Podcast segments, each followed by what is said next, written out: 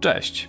Witam Cię w kolejnym odcinku podcastu Medycyna Integracyjna, w którym opowiadam możliwie prostymi słowami o tym, co ważne dla zdrowia zarówno ciała, jak i umysłu.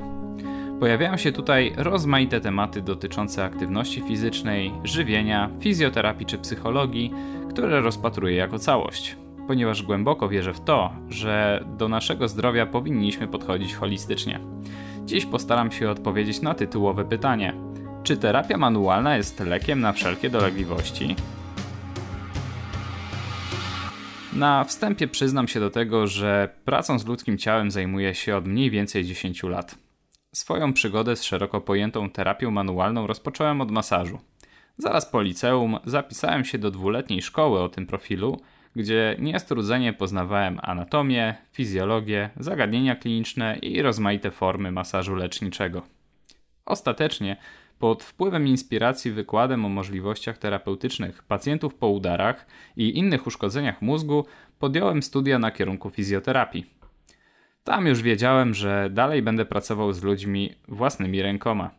Bo choć fizjoterapeuci często kojarzą się swoim pacjentom jako ludzie, którzy głównie masują, to musisz wiedzieć, że to znacznie szersza dziedzina, obejmująca też kinezyterapię, czyli leczenie za pomocą ćwiczeń i ruchu, fizykoterapię, czyli wspomaganie leczenia za pomocą urządzeń emitujących promienie laserowe czy pole magnetyczne oraz oczywiście inne formy terapii manualnej.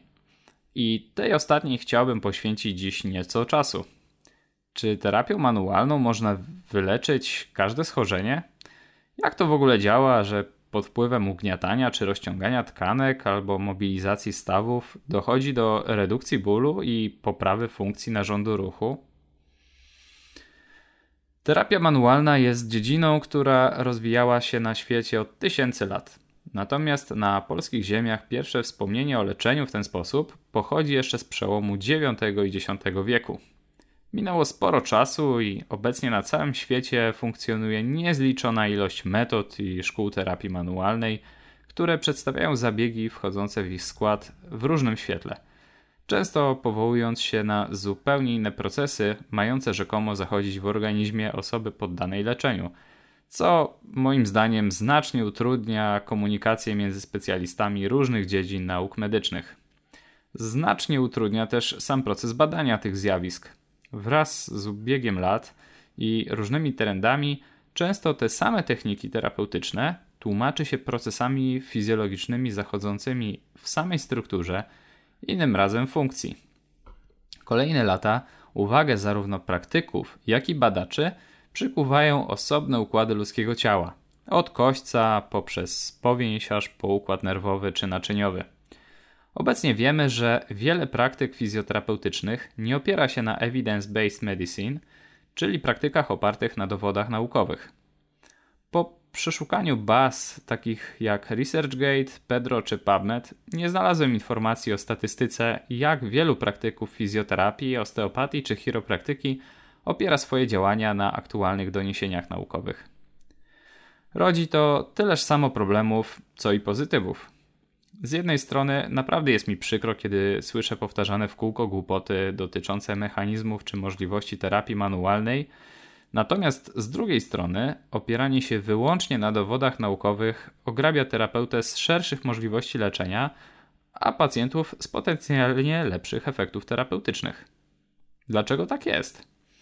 Niestety, ale mówi się, że potrzeba kilkunastu lat, by świat medycyny zaakceptował nowe odkrycia i przysposobił do nich system leczenia. Czas potrzebny na setki kolejnych badań, mających potwierdzić odkrycie, sprawia, że kiedy taka nowość staje się oczywista, jest już tak naprawdę dość leciwa.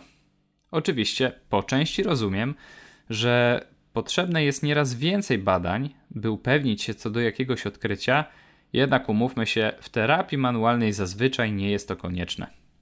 Skoro już napomknąłem o badaniach naukowych, to zaznaczę, że nie poświęcam zbyt wiele czasu na dowiadywanie się, która forma terapii jest najlepsza, która działa, a która nie.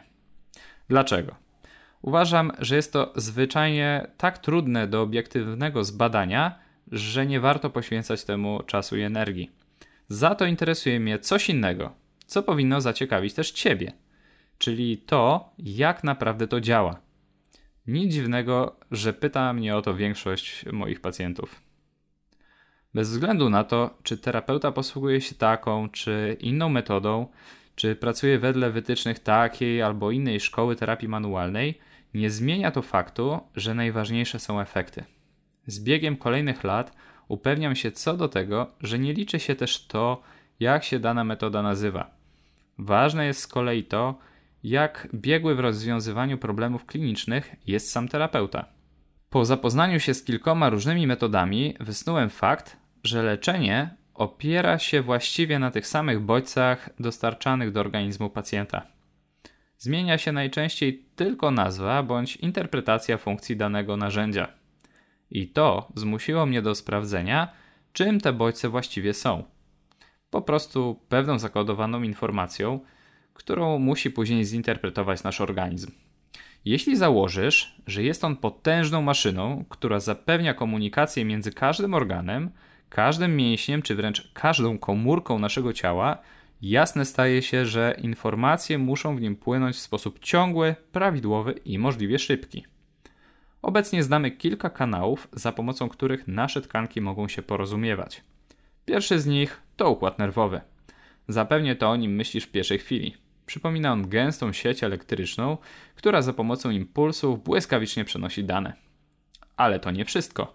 Kolejnym systemem, jaki jest nam potrzebny, jest układ hormonalny, działający za pomocą drobnych cząsteczek rozprowadzanych po krwiobiegu.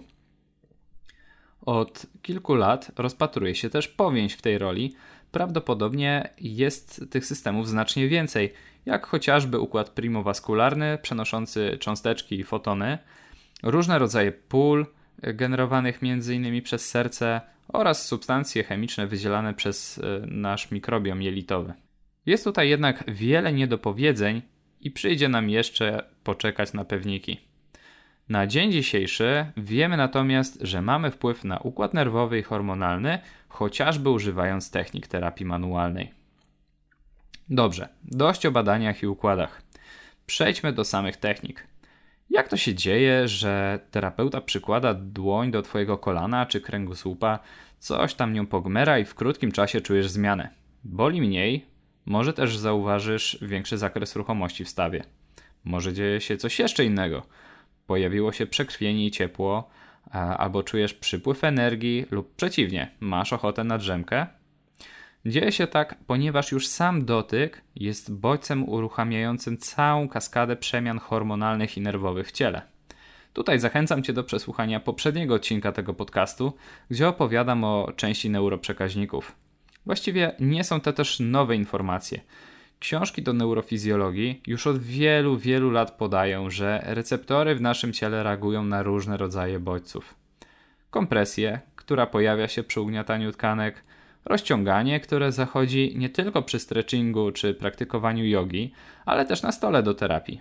Ciepło dostarczane choćby od ciepłej ręki fizjoterapeuty i wiele, wiele innych. Układ nerwowy jest w pewnym sensie podobny do komputera. Wyobraź sobie, że włączasz go, klikasz ikonę poczty, a włącza się jakiś zupełnie inny program. To raczej niemożliwe, prawda? Tak samo jest przecież z naszym ciałem. Dostarczasz mu jakiegoś bodźca i układ nerwowy zareaguje adekwatnie do tego, co otrzymał. Zapalasz światło w pokoju, gałka oczna odbierze ten sygnał i zobaczysz zmianę w oświetleniu pokoju. To też jest reakcja, w której występuje bodziec i efekt. Zatem terapia manualna to tak naprawdę zbiór różnych bodźców, które mają za zadanie wywołać konkretny efekt. Dobry terapeuta raczej nie będzie dobierał ogromnej skrzynki z rozmaitymi narzędziami, skoro 17 technika ugniatania tkanek wywoła ten sam efekt co 16 poprzednich. Zamiast tego skupi się na dokładnej diagnostyce funkcjonalnej i wnioskowaniu klinicznym. Tak, to dlatego zadajemy często mnóstwo szczegółowych pytań, ponieważ odpowiedzi na nie mogą okazać się drogowskazem do znalezienia zarówno miejsc, które należy poddać terapii, jak i samych bodźców, które podrażniają właściwy receptor. Z jednej strony fizjoterapia to sztuka, z drugiej zaś proces podobny do programowania. Coś wynika z czegoś i potrzebna jest właściwa ścieżka, by jak najprostszą drogą trafić do celu. Jak mogą zatem działać manipulacje stawowe? Zapewne znasz to uczucie, bądź przewinął ci się w internecie jakiś film, na którym gość w białym fartuchu z wprawą Stevena Seagala wykonuje kilka delikatnych ruchów głową pacjenta przy akompaniamencie głośnych chrupnięć. Nastawianie kręgosłupa? Spotykam się z tym określeniem codziennie, choć nie ma ono nic wspólnego z rzeczywistością. Najpewniej w trakcie takiego zabiegu, który może tylko wygląda strasznie, choć zapewniam, że jest zupełnie bezpieczny i bezbolesny, nie dochodzi do żadnego przemieszczenia się dysku czy kręgów. Odgłos, który słyszysz, to kawitacja i sama w sobie nie ma jakiejś szczególnej wartości terapeutycznej. Za to w trakcie samego manewru manipulacji dochodzi do pobudzenia receptorów umiejscowionych w samych stawach, torebkach stawowych i więzadłach dookoła. W efekcie dochodzi do kilku różnych zmian.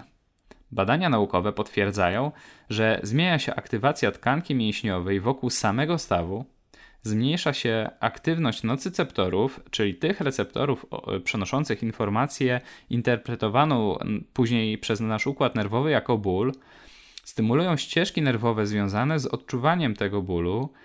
Długoterminowo też poprawia się przepływ krwi w danym miejscu, co poprawia odżywienie tkanki i promuje jej regenerację. W niektórych przypadkach dochodzi też do zmian w układzie autonomicznym i hormonalnym, oczywiście na korzyść. Inne rodzaje terapii manualnej też mają swoje podłoże w fizjologii. Wielu terapeutów chwali się znajomością pracy z tkanką powięziową. Ta rzecz jasna również jest bogato unerwiona i żywo reaguje na próby wpłynięcia na stan zdrowia przez techniki manualne. Stąd działają zarówno mocne, bolesne techniki masażu, jak i te bardzo subtelne, gdzie nacisk na tkankę jest porównywalny z muśnięciem po skórze. To po prostu inny rodzaj bodźca. Dlatego nie powinno dziwić, że z efektów jednej techniki część pacjentów może być bardzo zadowolona, natomiast inni nie odczują żadnej wymiernej korzyści. Pewną rolę mogą tutaj odgrywać czynniki psychologiczne. Jeśli nie lubisz intensywnego rozciągania, a terapeuta za wszelką cenę będzie dążył do tego, żeby przez niemal godzinę je przeprowadzać, no to zrozumiałe, że efekt koniec końców może nie być doskonały. Dlatego jeśli masz jakąś preferencję, to śmiało możesz ją omówić y, ze swoim terapeutą. Terapię zawsze da się poprowadzić w komfortowy sposób. Czasami jednak możesz spotkać się z pewną odmową. Nie oznacza to, że terapeuta nie chce czegoś zrobić. Po prostu wiemy, że na przykład w Twoim przypadku masaż nie będzie dobrą opcją, bo problem wymaga zupełnie innych narzędzi. No dobra, to na co pomaga terapia manualna, a kiedy jest zbędna? Z moich doświadczeń wynika, że wachlarz możliwości jest dość szeroki. Różnego rodzaju problemy bólowe narządu ruchu, takie jak chociażby bóle kręgosłupa, kolan, barków czy innych stawów, stany po urazach i kontuzjach, zaburzenia trawienia czy inne problemy gastryczne, ograniczenie ruchomości w stawach, zawroty i bóle głowy to jest to, kiedy, warto e, po taką terapię sięgnąć. I to na pewno nie jest koniec tej listy. Z drugiej strony, jak każda forma terapii, ma ona też swoje ograniczenia. Choć pomaga na problemy z kręgosłupem czy kolanami, nie sprawi, że nie musisz już samodzielnie poruszać się dla utrzymania zdrowia. Pomaga przy problemach z trawieniem, ale nie zastępuje też profesjonalnej pomocy dietetyka ani Twoich dobrych nawyków żywieniowych. Pomoże Ci odzyskać zakres ruchomości w stawach, ale też nie zastąpi mobilizacji stawów w ramach treningu, jeśli takowe masz. Dlatego pamiętaj o tym, że swoje zdrowie masz zawsze głównie w swoich rękach. Fizjoterapeuta, lekarz, dietetyk czy jakikolwiek inny przedstawiciel zawodów medycznych może wspólnie z Tobą ustalić cele i możliwości, jednak pracę domową każdy z nas musi wykonać finalnie sam. Dlatego zachęcam Cię mocno do przesłuchania kolejnych odcinków tego podcastu. Moim celem jest przekazać Ci jak najwięcej wartości, które samodzielnie możesz zastosować i podnieść jakość swojego życia. To już wszystko, co przygotowałem dla Ciebie na dziś. Cieszę się, że wiele osób dzieli się tym podcastem na Facebooku czy Instagramie. Jest mi z tego powodu ogromnie miło, bo dzięki temu więcej osób dowiaduje się o tym, co może jeszcze zrobić dla swojego zdrowia. Do usłyszenia za tydzień. Cześć!